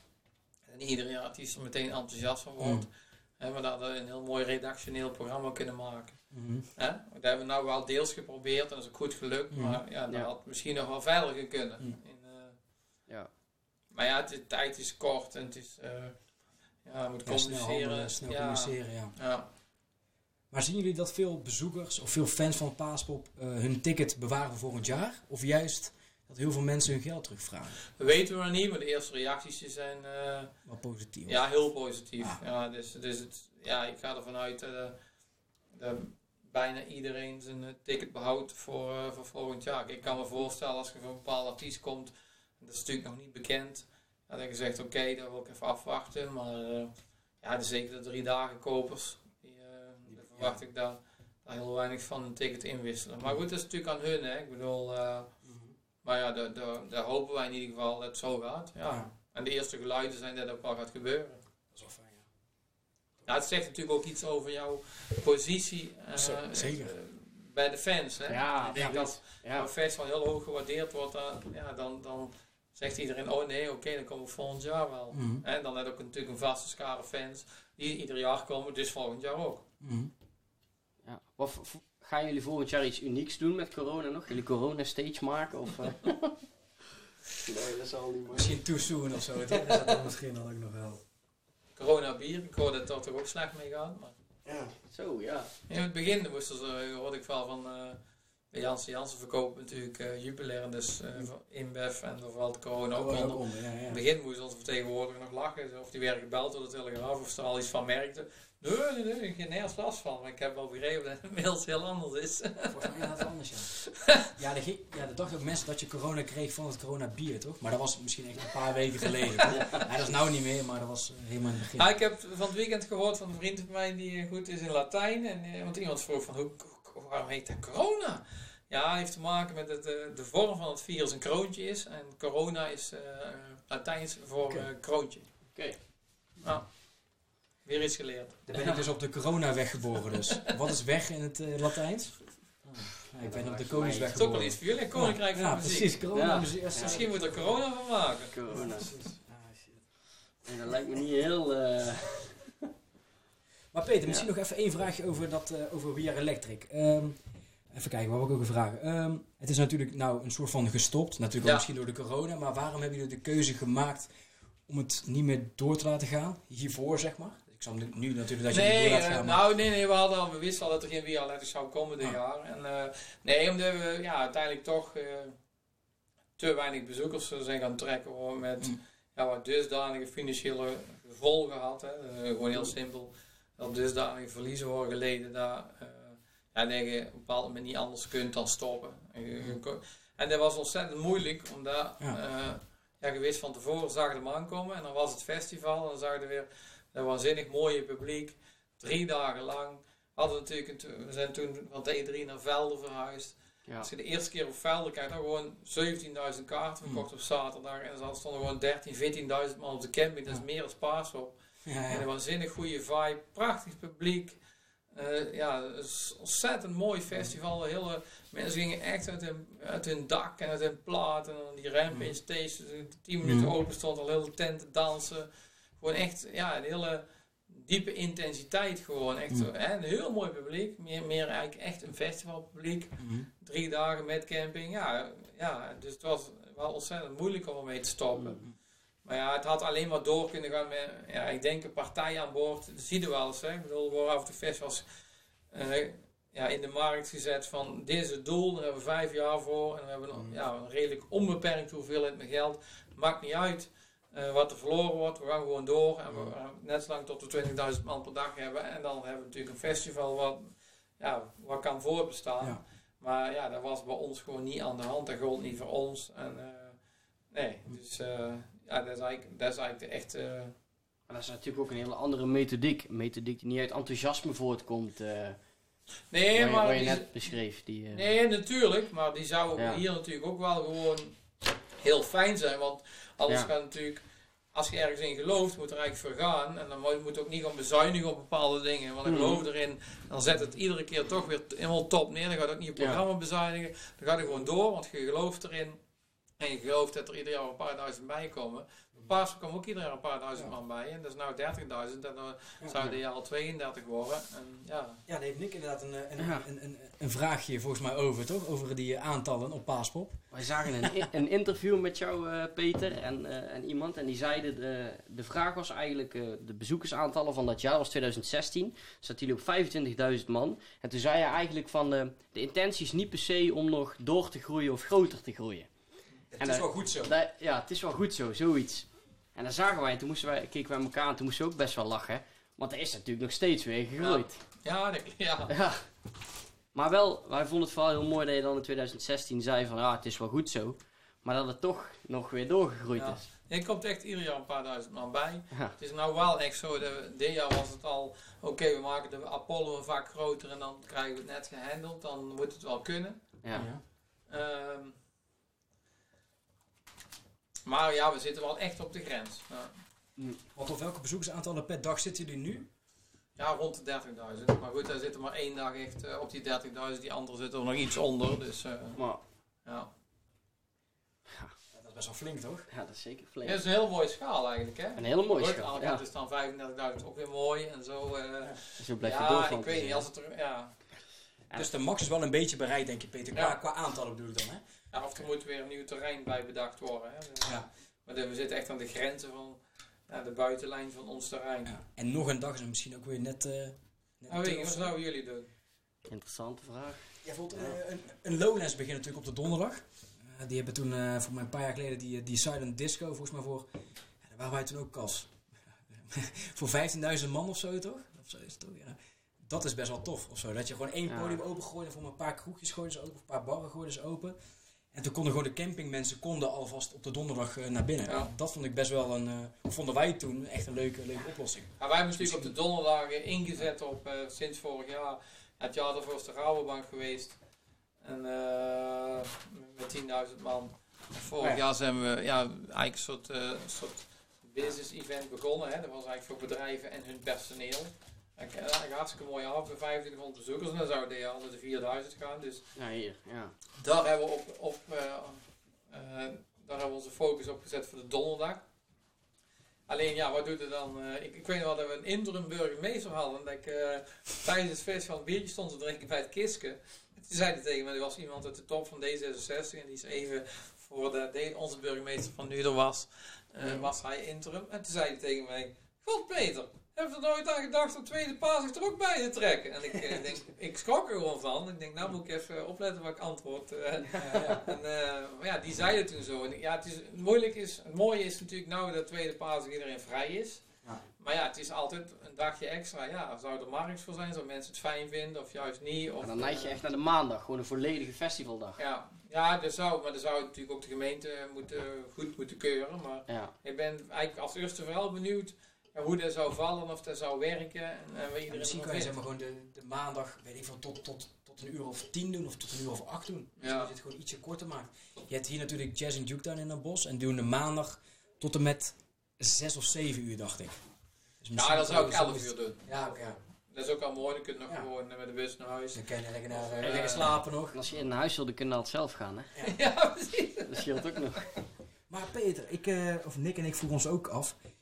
Misschien een beetje een rare vraag natuurlijk. Maar heeft, is Paaspop ooit op een andere dag gevallen als Pasen? Nee, Dus altijd heeft het tijdens Pasen eh, ja, plaatsgevonden. Oké. ja. We waren toch een beetje benieuwd. Ja, toch? Ja. Volgens mij wel, maar eh, ja. Gewoon altijd Pasen. Dat is natuurlijk ook logisch, maar Ja. Voor Pinkpop eh, een paar jaar geleden niet. Nou, nou, nou niet meer, hè. En, eh, de Oh, toekomst is, nee, oh, is ook niet meer. Die hebben gewoon nou een vast weekend gekozen. Maar dat snap ik ook een heel logische keuze vanwege de internationale touragenda. Ja. Je moet gewoon aansluiten bij andere, alle grote festivals. Werchter zit tegelijk met Roskilde en het festival in Engeland, Reading volgens mij. En Lowlands zit tegelijk met Pukkelpop en nog een Ja, Engels precies. festival. En dan, dan, hè, dan is het festival drie dagen en kun je heel makkelijk zeggen op vrijdag staan de Chili ja. Peppers bij jou op En dan gaan ze door. Ja. Maar bij jullie is het dan helemaal niet, denk ik, toch? Of hebben jullie ook wel een aantal grote festivals in Europa? Nee, eh, nee, nee, nee, nee, nee, nee, nee, nee, wat verdwaalde kleinere festivals in eh, Spanje. En, eh, maar nee, niet echt eh een die net precies even groot is en wat gez- gezamenlijk op de ex aan het bieden bent. Nee, dus jullie moeten echt artiesten halen. Ja, ja op tour hè. Ja, die op tour wel. Wij passen natuurlijk ook heel mooi in het plaatje als, als een... bijvoorbeeld een club, ja, als ze zeggen oké, we gaan op tour en dan doen we in Nederland in plaats van een club een festival. Of eh, een combi van de, de Melkweg plus Paaspop, zoiets hè. Daar, ja. ja, ik vind wel, dat geeft wel een extra, ehm, extra cachet ook aan ons festival. Hè. Ik bedoel, Nederlandse top, maar ik vind het vooral ook heel mooi dat we voor het, ja, we ik denk de helft van de ex komt natuurlijk niet uit Nederland, maar komen we gewoon uit het buitenland. En daar, Hoe is jouw rol daar zelf in, eh, Peter? Want je hebt natuurlijk programmeurs die Ja. programmeren. Maar heb, sta jij zelf op, eh, weet ik veel, een paar maanden van tevoren, s ochtends op en dan zeg je, die moet ik erbij hebben. ja, kan, kan. Eh, eh, vroeger boekte ik alles zelf, maar ik ben heel blij dat ik dat niet meer hoef. Mm. We hadden toen allemaal, ja, heel vaak, we hadden toen al adviseurs een aantal jaar geleden, die bel ik dan af en toe op en dan vinden hiervan, vinden hiervan. En toen op een gegeven moment zei ik tegen Chris, ik wil gewoon echt gewoon een programmeur, programmeur, programmeurs hebben. En toen, Ja. Toen hoorde ik heel goede verhalen over Joey, die eh, ook programmeurs van, eh, die werkte in de Oosterpoort, die werkte toen in Rotterdam en Rotown. Eh, ja, die stond de boek als ja, zeer eigenzinnige programmeur. En ja, die heb ik toen een keer gebeld en afgesproken. En die is toen eigenlijk echt programmeur van Paasop geworden. En die doet de Apollo, de, de Phoenix, Mm. eh, de Jack Daniels. En, en ja, die adviseert in de volle breedte. Maar we hebben nou echt een wereld, eh, wereldteam eigenlijk. Eh, want we hebben Marcel Haug, die speciaal, is ook een vaak apart eh, boeken van de theatertent. Mm. Moet ook echt verstand van hebben, want heel veel cabaretiers die willen overal optreden, behalve op een festival. Dat vinden ze veel te luidruchtig en risicovol. Hè. Ze staan natuurlijk mooi in aan het relaxen in een theater eh, met een 50-plus publiek die overal om lachen. En dan in één keer moet op festival gaan Ja. staan. Hè. Dat is een heel andere... Als heel- maximaal twee wijn op. En als dan, je eh, goed bent, dan is het weergeloos. Is het veel mooier als theater. Maar als je niet helemaal goed bent, dan valt ook door de mand. Hè? Dus, eh, maar goed, eh, Marcel, dan hebben we Maarten Vervucht. eh, die boekt bij onze Roxy's natuurlijk. eh, die, die hebben wij leren kennen toen ook bij Boogie Down zat. En dan begon hij bij eh, Greenhouse Talent. En toen is hij, eh, toen heb ik, toen is hij onze Roxy eigenlijk gaan programmeren. Het overdagprogramma, Urban Hip Hop. Daar is ook echt heel goed in. En hij natuurlijk bij Mojo gaan werken. En ook Ja. onder andere programmeur van Hoera. Mhm. Dus die doet dat. Ehm, ja, dan hebben we een speciale Freek van Doorn Roosje. Dat is eh, onze heavy muziek expert. Dus die moet de bijdragers leveren voor de Jack Daniels en de ja. Thunder, eh Thunder Alley. Ehm, de Thunderbolt dat doe ik nog steeds zelf. Ja, dat is eigenlijk... eh, en dan hebben we nog John Verluin, die, die eh, helemaal gespecialiseerd in de Balkan. Mm. En de gekke rariteiten, orkestjes uit, eh, uit Rusland. En die programmeert de restaurants. Maar dat is, eh, ja, dat is hartstikke mooi, want ik hang daar zelf een beetje boven. En dan overleggen alles met mij. Maken lijstjes. En, eh, en ze boeken ook gewoon. Ze zeggen gewoon, nee, deze moeten we hebben, die gaan we boeken. En ja, dat is gewoon hartstikke fijn. Joey heb ik iedere dag aan de lijn. En ja, ik vind, eh, daar, daar is ons programma ook veel beter van geworden. En Paard is ook een ander festival van geworden. Hoor. Mhm. Wel, eh, Ja. ja, internationaal. Met, bij ons staan echt acts, als je er niet van gehoord hebt, dan ga maar kijken. Want eh, ze zijn echt, ze staan er niet zomaar. Ze Ja. doen ertoe. Mhm. En eh, hè, we hadden vorig jaar de Vine Michel voor 2000 euro geboekt. Die dan natuurlijk helemaal doorgebroken is. En dan Ja. hebben we, ja, dat Vet. hebben we met grote regelmaat. En dat is denk ik een teken. Ja. Ja, dat hebben we goed boeken. En Joey, die ziet natuurlijk ook alles. Hè. Die, eh, Het Eurosonic eh, zit ja, de. Eurosonic. Ja. Iedere band uit Nederland meldt zich aan. En hij weet precies van dit leeft, dit leeft niet. Hij gaat in september al bij de grote platenmaatschappij Ja. langs. Dan wordt je ook precies hè, wat, eh, waar bet- ze zich op gaan focussen en welke acts het eh, ja, in de focus zetten. Dus. Dus Paaspak kan ook eh, een soort van, sorry Nick, eh, pa Oh ja. Kan ook dienen als een soort van springplank voor heel veel beginnende artiesten, zoals nou, toen de tijd eh, in Davide Michel, zeg maar, die daar is helemaal ontploft. Ja, dus natuurlijk. Paaspak beginnen als een soort van ons eerste grote, eh, Ja. maar- ja, mijn eerste grote festival. Zeker, en ook door het moment waarop wij zitten. We zijn uit de winter Ja. natuurlijk dan een van de eerste grote festivals. Dus dat ook nog. Dus ook nog eens Ja. in, eh, hè, in de chronologie van een jaar. Zo Ja. van eh, Mm. ja, april. Mhm. Daarna komen de grote zomerfestivals. Dat is ook een hele fijne positie. Mhm. Want dat betekent dat heel vaak zo'n ding als eerste bij ons. Hè? Precies, ja. ja, dat klopt. Je bent wel zo vroeg in het jaar eh, de voorloper van heel Ja. veel artiesten die geboekt worden. Maar jij hangt daar als helikopter boven en controleert alles. En geeft dan... Ja, eh, maar dat is ook natuurlijk... ja, dat gaat op goed vertrouwen. Ja, en dat voelde wel. Ja, Dat ja, voelde- ja, ja. Als Joey zegt, dit moeten we echt hebben, dan weet ik genoeg. Dan Ja, we. Ja, ja, ja, ja tuurlijk. Noem eens één dingetje wat, eh, wat Joey bijvoorbeeld helemaal goed heeft gedaan en één dingetje wat hij bijvoorbeeld helemaal slecht heeft gedaan. En niet om hem af te vallen, maar ik ben gewoon meer benieuwd. Ja. Ja, dat vind ik heel daar- moeilijk, want ik, eh, ja, ik, ik vind het heel moeilijk omdat ik hem Ja, Davide Michel Op- op- natuurlijk is wel een goede Ja. op, geweest. slecht heb ik hem eigenlijk nog niet kunnen betrappen. Zo van, eh, eh, hij zit toch eigenlijk altijd wel goed. En, eh, ja. Op welke, boek, welke boeking ben jij het meest trots? Ja, misschien is het dan leuk om te vragen, sorry. Ja. ja, ik vond het ontzettend stoer toen de Prodigy de eerste keer op Paasel stond. Maar dat was ook, dat is ook het eerste jaar van Joey geweest. Welk jaar was dit? eh? 2014. Zo. 13 heel moeilijk jaar, heel veel verlies geleden. Heel nachtvorst ook op vrijdag en zo. Echt een dramatisch jaar. Zo. En Van toen- nachtvorst tot 28 graden tot... En toen kwam 2014, Prodigy, Ja. eh, Kaiser Steve. Mm. Oh, Daar, daar gaf, zette meteen de toon in. hey, nou gaan ze. Ho, paasval. Ja. Ik zat er ook langs hoor in die tijd. Want ik, ik dacht echt, ik zat echt op de focus van Raccoon en Bluff. Mm. Mhm. En, en ik leerde toen dat, ja, dat dat eigenlijk heel gek was. Omdat Paas op, op de andere stages, al met die andere twaalf stages in de frontlinie zat van de muziek.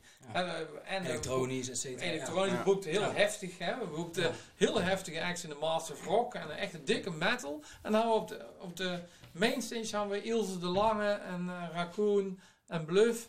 En toen gingen we de Prodigy boeken. En toen, eh, Joey die programmeerde ook sneller de nieuwe Nederlandse acts in plaats Mm. van terug te vallen op Bluff. En dat wil niet zeggen dat Bluff nooit meer geweest is. En als we Mm. die doen, dan is dat wel een succes. Maar Ja. het profiel werd anders. En Mm. de lijn. Mm. En toen had natuurlijk Iggy. Pop gehad, dat was ook waanzinnig. Ja. Daar hebben we ook nog eens lachen.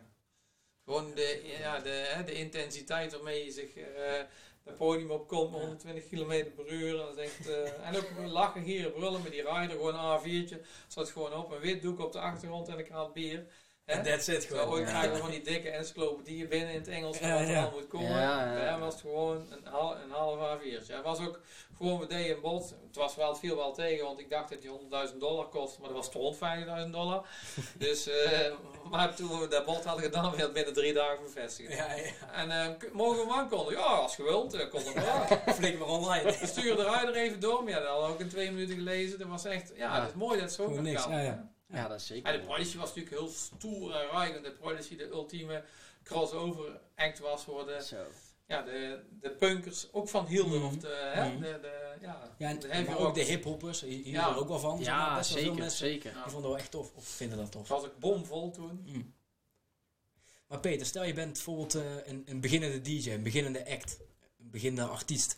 Hoe kan je optreden op Paaspop? Kan je überhaupt optreden op Paaspop? Of moet je dan eerst eh, Joey heel lief aankijken of met jou een biertje drinken? Of, Eigenlijk zijn wij helemaal geen festival voor de beginnende DJ. Ja, dat is ook, ik probeer dat ook uit te leggen. Of sommigen, wij zijn eigenlijk alleen maar eh, ja, de klinkstorm, maar ook weer een soort eh, podium en doorgeefluik. ja. Eigenlijk moet, je moet eigenlijk doorbreken op, op andere manieren. Hè. De, die, die, die, de- de, ja. platenmaatschappij jou tekenen en dat je op de radio gedraaid wordt. En als je op de radio gedraaid wordt, dan bellen wij en dan willen we jou boeken. Dat is eigenlijk de normale logische volgorde. Hè. Mhm.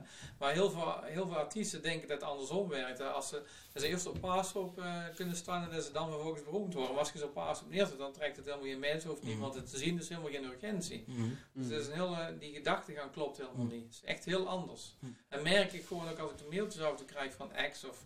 Ja, je hebt natuurlijk al eh, vrienden en bekenden, de vriendin van en de vriend van. En, oh, Of nee, je die die zegt van, ja, En die zal, die zal eens even jou eh, een mail, mailtje sturen. Daar gaan wij eens even regelen. Zo, gaan we- ja. ja, we kunnen echt. Nee, de eer- de- dat is niet. De, de, hey, ons publiek eh, betaalt geld voor een ticket. Dus Ja, ze ja. moeten ook iets zien wat ze willen zien. En Mhm. wat willen ze zien? Ja, daar waar op de radio gedraaid wordt, of daar waar heel veel commotie Mm. op is, op YouTube, of kan allerlei redenen zijn. Hè? Ik bedoel, eh, Ja, maar naast bijvoorbeeld alle artiesten, hè, Peter, eh, doen jullie ook superveel aan randprogrammering, aan Ja. creatief programma. Join us area. Join us area. eh, jullie laten heel veel kleine organisaties, ja, waar je ook een paar jaar geleden zeg maar, eh, een plek, of ja, jullie geven ons een plek, of jullie geven kleine organisaties een plek, maar ook bijvoorbeeld inderdaad, wat ik zei, creatief programma's. Wat, Ja. is jullie, wat is jullie visie of wat is jullie beweegreden daarachter? Waarom willen jullie juist die kleine organisaties een plek geven op Paaspoort? ja, ik denk dat wij gewoon op zoek zijn naar hele mooie content. En eh, Hmm. ja, de- er is dan natuurlijk de grote stages en dat is dan al verdeeld in een Apollo en een Phoenix. En Phoenix is, is langzaam van de Master of Rock getransformeerd in een tweede mainstage. Hè. We hebben Apollo Ja. voor 20.000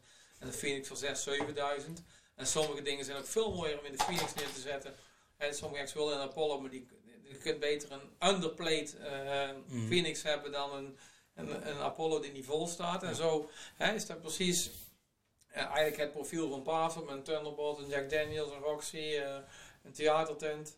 We zijn steeds meer de buitenlijnen gaan verkennen, maar ook een Dolomina van kan zoiets. Ja, zoiets kan ook, is ook weer een succes. En, eh, en daarbij is het gewoon heel mooi eh, ja, om ook nog ja, heel, een aantal mooie areas neer te zetten met, met collectieven, omdat dat heel erg leeft. Ja. En, en dan probeer je ook daarin een mooi profiel te kiezen, waar wij jullie met Smerig natuurlijk een mooie jonge doelgroep, mooi de urban hip-hop eh, stuk pakken. Eh, hè, disco Snorri uniek is met zijn disco. En Remy Gerry, de, ja, de, de, de house, eh, hè, de, de dansbare house is. Mhm. En Papachulo weer de Latin is. Ja. Nou, dat is dan, Ja. ja, ik vind een hele mooie... Een leuke combinatie, ja. Ja, en dan probeer ik al die areas weer een eigen look en feel mee te geven. En overleg met. En ja, dan, dan, ja, dan is dat gewoon tijdens zijn er hartstikke mooie areas om een biertje te drinken. Hè? Ja. Eh. Jullie hadden vorig jaar inderdaad van die concepten, waar Smerg ook een onderdeel van was, een hele mooie area gecreëerd. Ja. Waaromheen je eigenlijk naar die concepten kon. En wij vonden dat oprecht wel een hele toffe plek. Die, Ja. die je weer nieuw gecreëerd had op je festivalterrein. Tegenover de warehouse. eh, Oh ja, ja, dat klopt. Ja, Dan jullie daar zo buiten. ja er stonden Ja. En jullie stonden er dan Ja. eigenlijk weer vlakbij Ja. rechts Ja. van de Phoenix. Ja. Ja, voor ons was dat wel een hele mooie plek om te staan. Ja, en dat is een groot succes ook, toch? Drie Ja. dagen gekhuis. Ja.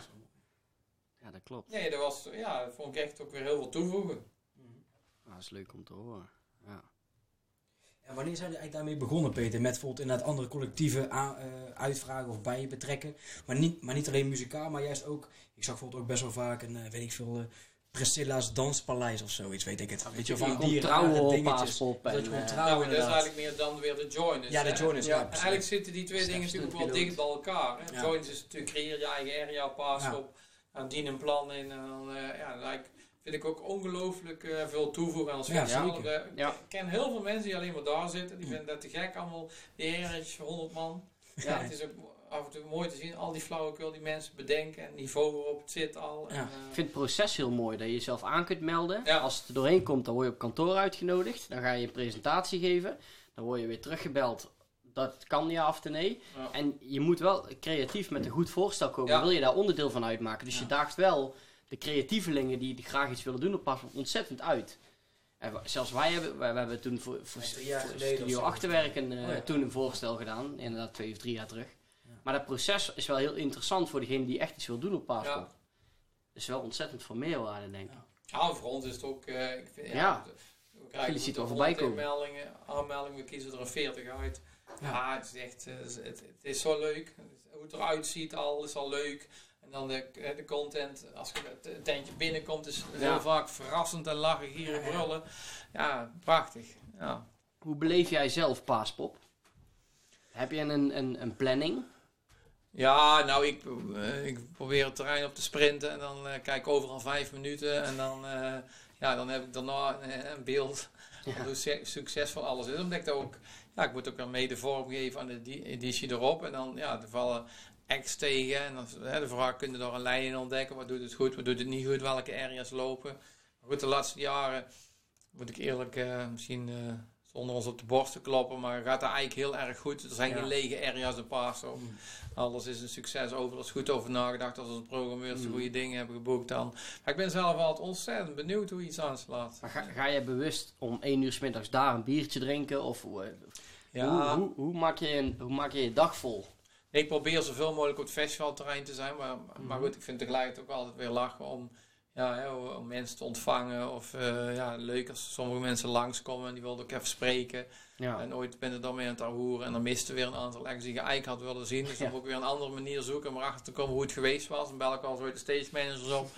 Van, eh, en hey, hoe- was het? vind ik altijd super mooi om te horen. Bijvoorbeeld of de presentator van het theater. Hey, was, eh, ja, nee, alles was bomvol en dit sloeg helemaal niet in. Dat was een gekkenhuis. En Ja, dat wil ik ook heel graag, eh, ja, heel graag weten. Maar het is natuurlijk het allermooiste en de verrassingen altijd. Hè? Want, eh, ja, ja, de, ja, ja het, het, het valt natuurlijk ook niet te voorspellen. Hè? Er lopen 30.000 man, 35.000 man met de gastlijst bij op de festivalterrein rond. 12 podia, 40 joiners areas, 4 Ja, ja. collectieven. En, en nou, en Ja. hoe, hoe druk wordt het in de restaurants bij, bij de vierde act van de dag? Ja. Dat is natuurlijk ook niet, eh, dat is ook een verrassing. Ja, dat is, Dus daar levert ook allemaal verrassingen op. Zo van, eh, ja. Maar wat zou de verrassing zijn voor dit jaar? Als jij het zou kunnen voorspellen. Ja, het is- Ja, ik, was, ik, ik vond het heel mooi. We hadden natuurlijk Kalkbrenner met een set van, eh, Ja. van twee uur. Die wa- was ik heel benieuwd naar geweest. Parkway Drive op vrijdag, wat natuurlijk wel een mega heftige act is. Heino natuurlijk op zondag. Land of God is ook weer heel eh, heftige metal. Die stond ook op zondag gewoon midden in het programma. De Phoenix was ik heel benieuwd naar. Ja, moeilijk te zeggen. En ik was ook heel benieuwd, want we waren natuurlijk in de Roxy hadden we de techno-tent van vorig jaar eigenlijk eh, laten vallen. En, en gezegd, dan gaan we vier uur per dag laatste vier uur twee dagen techno doen. En de kalkbrenner natuurlijk deels techno is. Ja. Al op eh, zaterdag een drum en bass programma samen met Nox. was ik ook heel benieuwd naar. Ja. Dan ben ik heel benieuwd als ik daar binnenkom. Is de tent dan een rij voor de deur? Of, eh, en als je binnenkomt, is het dan vol? En als je binnenkomt, eh, staan ze dan eh, met de kop tegen het plafond te springen? Of, of is het tam? Of ja, de, dat zijn de verrassingen. Hè? Ja, de- wij proberen ook ieder jaar weer zoveel te veranderen, maar dat is niet, ja, de, het doel is niet veranderen, maar het is, oh, dit vond ik vorig jaar niet goed, dat moet een andere tent worden en dit moet anders, want die tent kan vervallen. Mm. En daardoor is het ook ieder jaar weer spannend, hè? Want het is ieder jaar weer anders. Zeker, ja. Want nu, want nu hadden jullie ook voor me, als ik het goed heb, hè, de camping verplaatst. Was dat al dit jaar? Ja, dat was vorig jaar. al, hè? Was al Vorig jaar. Ja. En waarom is dat eigenlijk gebeurd vorig jaar? Ja, waarom? Ja, dat is ook een, eh, een, een heel verhaal. Eigenlijk de, het vorige terrein waar we huurden, er stond in één keer voor de helft mais op. Dat betekent, die gaat er in oktober af. Ja, dan is het zwart zand en dan is het kloten. En als je hem dan zout inzaaien, is hij de Pasen nog steeds eh, niet goed. En eh, ja, en toen ook een heel apart verhaal, maar er was eigenlijk een terrein aan de overkant van de weg waar gewoon een meter hoger lag. Alleen dat konden we niet huren. Alleen wat gebeurde er? Er was mais ingezaaid en toen kregen we die hete zomer van 2018. En toen stond er dus gewoon eh, in één keer, halverwege de zomer, begin juli, eh, was je kapot, de mais. Gewoon, eh, was uitgedroogd. En eh, ja, dus toen zat die boer natuurlijk eh, in juli al met eh, ja, geen mais en, en nu. En toen hebben wij ons gemeld. Nou, we hebben een idee. Als we hier nou eens gras inzaaien, we gaan het gewoon voor jou huren. En toen zijn we zo, is dat de basis geworden van ons nieuwe campingterrein. Ja. Eigenlijk eh, dichter bij het festival. Ja. Veel beter ja, terrein, meter hoger. Hm. En eh hebben ook de terreinen eromheen kunnen bijhuren. En eh, ja, wat we het liefste doen is altijd... eh, het liefst willen we het het hele jaar in beheren. Dan gaan we ook sportveldengras zaaien. Dat is hetzelfde gras als in een voetbalstadion ligt. Ja. Dat wortelt een halve meter. Hè. Die wortels van een halve meter. Hm. Dat is echt een mat. Dat is ijzersterk. Hm. Dat kun je niet vergelijken met landbouwgras. Dat is gewoon eigenlijk een heel open structuur. Alleen ja, er is, eh, een paar nadelen aan. Moet eh, iedere week gemaaid worden in het hoogseizoen. Dus daar hebben we dan iemand voor die dat voor ons doet.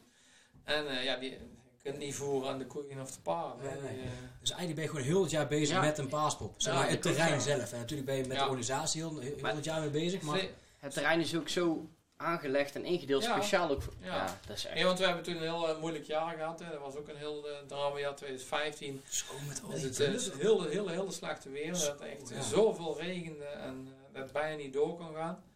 En eh, toen, eh, toen heb ik tegen de burgemeester gezegd, zeg, ja, Jetty als je wilt, dat is een vrouwelijke burgemeester, weer een top was die. Zeg, als je wilt dat we over tien jaar nog bestaan, dan moeten we ons echt een vergunning geven om te verharden. Mm. Die hebben we toen gekregen. Toen hebben we dus eigenlijk een, eh, deels geasfalteerd, een hele buitenweg van Ja. 10 meter breed. Ik had toen voor meer dan 100.000 euro rijplaten in moeten huren in het drama. Ja, dus daar, en dan vroeger organiseerden we daar een heel festival van. Nou, Ja, dat kost alleen ja, rijplaten al. Oh.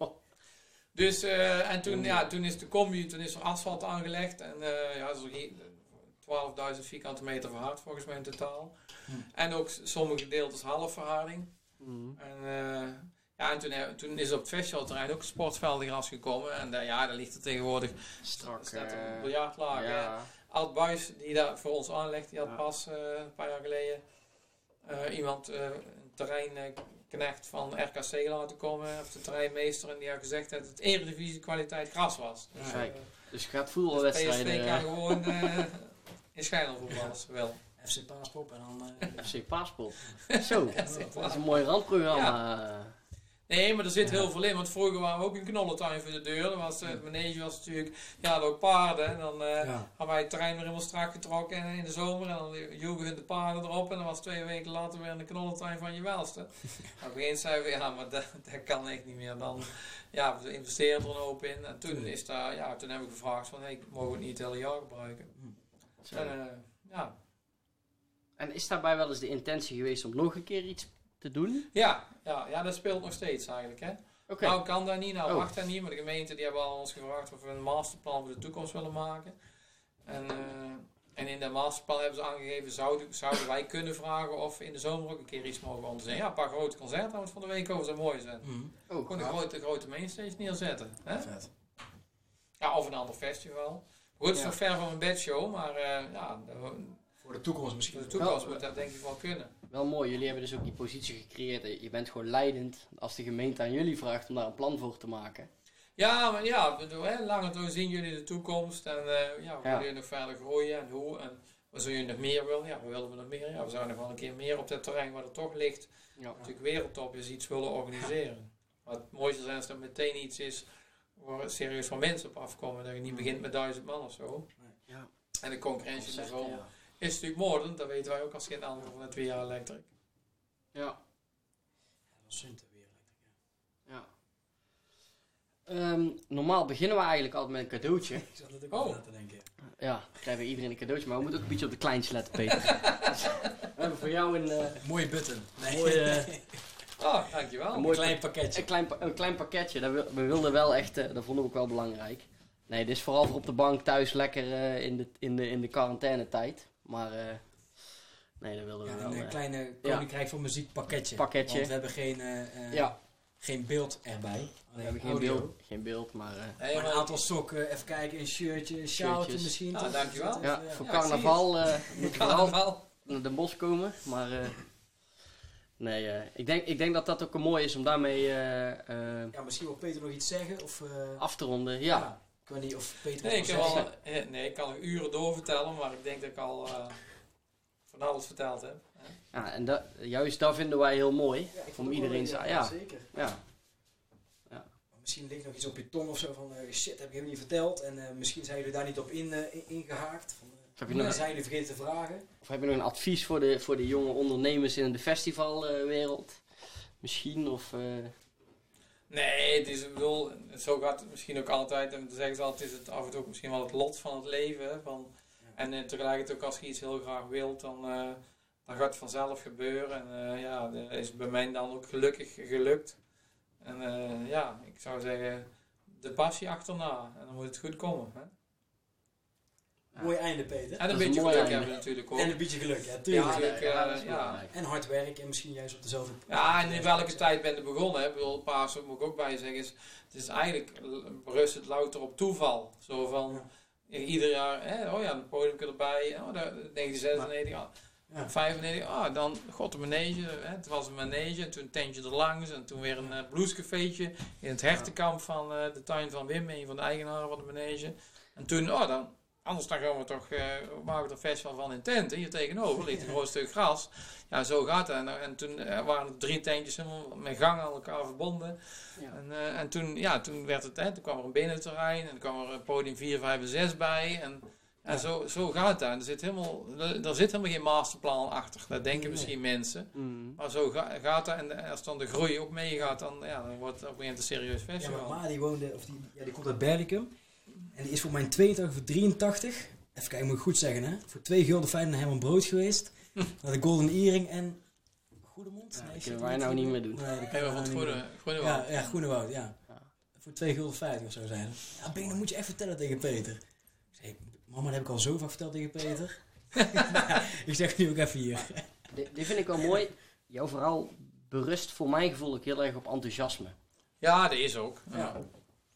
Ja. Ja, maar ik, ik, ik vind ook hoor, de, dit is wat ik doe. Maar tegelijkertijd is het ook van, eh, ben ik ook heel gelukkig eh, ja, dat mijn werk eh, ook mijn passie is. Of dat mijn passie mijn werk is. Ja, Ja, en al Ja. super lang. Misschien is dat ook heel inspirerend voor juist jonge Ja. ondernemers, jonge festondernemers. Die denken van, shit, ja. ik kan het gewoon, gewoon 30, 40 jaar Nee, blijven doen. Nou, we zijn natuurlijk van, nee, maar de, de, wij zijn natuurlijk van, ja, ik kan zeggen wij, maar dat, jullie horen niet bij dezelfde generatie als ik, maar eh, ondanks dat ik me jong voel. Nee, maar we zijn natuurlijk wel van een nieuwe generatie, van mijn ouders, die kwamen nou in dertigste natuurlijk niet meer buiten, hè. moeten we eerlijk in zijn. Die, die, als je toen op 31 nog in de kroeg zat, waren een alcoholist. Ja. Dat is Mm. natuurlijk compleet veranderd. Ik heb eh, eh, vrienden die tien jaar ouder zijn dan ik en die nog iedere week op stap gaan en een bandje spelen.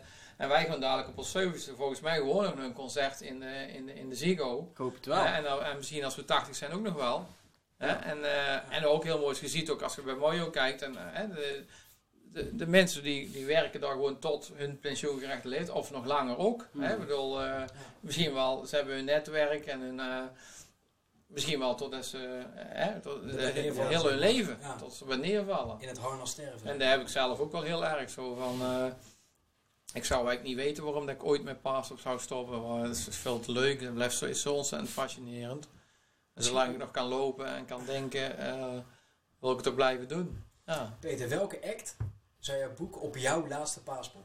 En dan niet per se dat je dan meteen zeg maar, overlijdt, maar meer wat zou jij boeken op jouw laatste paspoort? Oeh, wat een moeilijke vraag. De allerlaatste. Ja, en, en, en- ja, met welke artiest zou jij in het harnas willen, niet sterven, maar willen stoppen? Ja, als je niet kunt kiezen, mogen het er ook twee zijn. Nee, dat vind ik ook. Dat is een heel moeilijke vraag. Ja. Ik wil dat ik meteen ook realistisch wil zijn in... Je kunt wel eh acts gaan noemen op het niveau van de Stones of U2 of Pearl Jam. Maar ja, dat is natuurlijk onzin. Hè? Eh, Mm. Maar Misschien, misschien denken ze van, hé, die Peter Sanders belt. Nee, ik Denkt die ben, Bono van, eh, Ja. ik kom even met mijn zonnebril even langs. nee, dat, maar dat is business natuurlijk wel heel erg money driven. Hè? Van, eh, Mhm. ja, alles draait ook met die grote acts. Dat is af en toe wel heel vreemd. Maar ze zijn al zo rijk en toch draait alles nog om geld. En dan komt misschien ook wel om degene, de mensen die, die zich om zich heen hebben, zoals altijd de business moeten regelen. Maar eh, ik ben wel een heel grote Pearl Jam fan. Ja, ja, dat vind ik wel echt mooi. Nick Cave fan ben ik ook een heel grote fan van. Ja, Klinkt als een mooie laatste editie. eh. maar we hebben net de editors, er zijn wel een aantal jaren op achteraan het gaan. Dus zou wel paas mooi zijn, is wat minder groot. Mm. Hè? En eh Simple Minds, als ik vroeger, ik, ik kom nog uit een tijd dat de Simple Minds net zo groot waren als U2. En eh, ja, die zou ik nog wel een keer graag op paas willen verwelkomen. Zeg je, ken je dat, niet Simple Minds? Qua naam, ja, sorry. Nee, wij, zijn, wij zitten misschien in een iets ander Ah, Nick hoekje. Cave en Pearl Jam Ja, ik Nick wel. even. Ja, die heb ik Ja. een keer live gezien op Lowlands. Die een beetje op Hans, eh, Hans Theo lijkt. Maar ik vind ook dingen... dat En de ik- Black Seat. ja, ja, ja, ja, Hans Stil met zwarte haar. Ja, keer. heel zware muziek af en toe. Ik was vroeger echt een new wave, dus ik was even Ja, van Joy Division en... eh, dat ken ik nog wel. Ja. Ja, dat was ook redelijk eh, zwaar allemaal. En de Cure vond ik ook heel mooi. Hm, Ja. vet. We En jij, zaten Nick? net eigenlijk al in de afsluiting, hè? Ja, maar jij, geeft Nick, niks. wie, wie zou jij boeken op je laatste, Mijn la... op je laatste X-festival, of Festival X? Wie, dan- eh, ja, die je misschien ook nog gaat organiseren. Wie ik als laatste ooit zou boeken. Oeh. Ja, dat is niet meer haalbaar, man. Dat weet ik niet. Ehm. Geen- wie zou jij boeken? Ik moet erover nadenken, man. Ja, kijk, nee, ja, ik weet Ja. niet wie ik ooit zou willen boeken, maar op dit moment zou ik bijvoorbeeld, ja, weet je, dan zou ik Young Talk heel graag willen boeken. Of Nas. Ja, ja, Nas, ja. Maar dat is natuurlijk helemaal niet een soort van smerig-minded. Maar ehm, ja, die twee acts denk ik of zo. En, eh, Ik zou P. Diddy wel hard vinden, man. Ja, ja. Ja, serieus, zoiets. Ja. Ja, dat vind, ik, dat vind ik veel te moeilijk. Daar kan ik echt geen antwoord op geven. Ja. Nee. Nee, ik vond het een mooie podcast. ja. Een hele mooie podcast. ik ook. Leuk, open, eerlijk verhaal. Tijd die vliegt ook, hè? Ja. Best eigenlijk. Moet gruwelijk pissen. dat zal iedereen wel hebben, denk ik. Maar ondanks deze Ja. trouwens hele moeilijke Ja. tijd met die anderhalve meter afstand, hebben wij hier ook allemaal anderhalve meter afstand gehouden trouwens. Dat is ook wel Ja. helemaal niet verteld. Fotootjes al wel 1,60 langskomen. meter hoor. van Nick vandaan en volgens mij net gemeten met die rolmaat 1,80 meter van Peter. Zeker. En ik denk, nou misschien wel bekante 3 meter van Van Kas. Kas. Dus ehm, we houden ons aan We de houden ons goed aan de regels, ja. We hopen snel weer iets te kunnen organiseren. En, eh, En, en Peter, super bedankt voor Ja. jouw eerlijke, enthousiaste, oprechte verhaal. Ja, dankjewel. ja, heel leuk. Ja, Dankjewel. heel leuk. Ja, al lang op het lijstje en eh, ja, heel blij dat jij je verhaal hebt kunnen doen. Ja, gedaan. En we zijn binnenkort weer terug met eh, seizoen 2, of nee, eh, aflevering Ja. 2 van seizoen 2. Let's go. Peter, dankjewel. Thanks.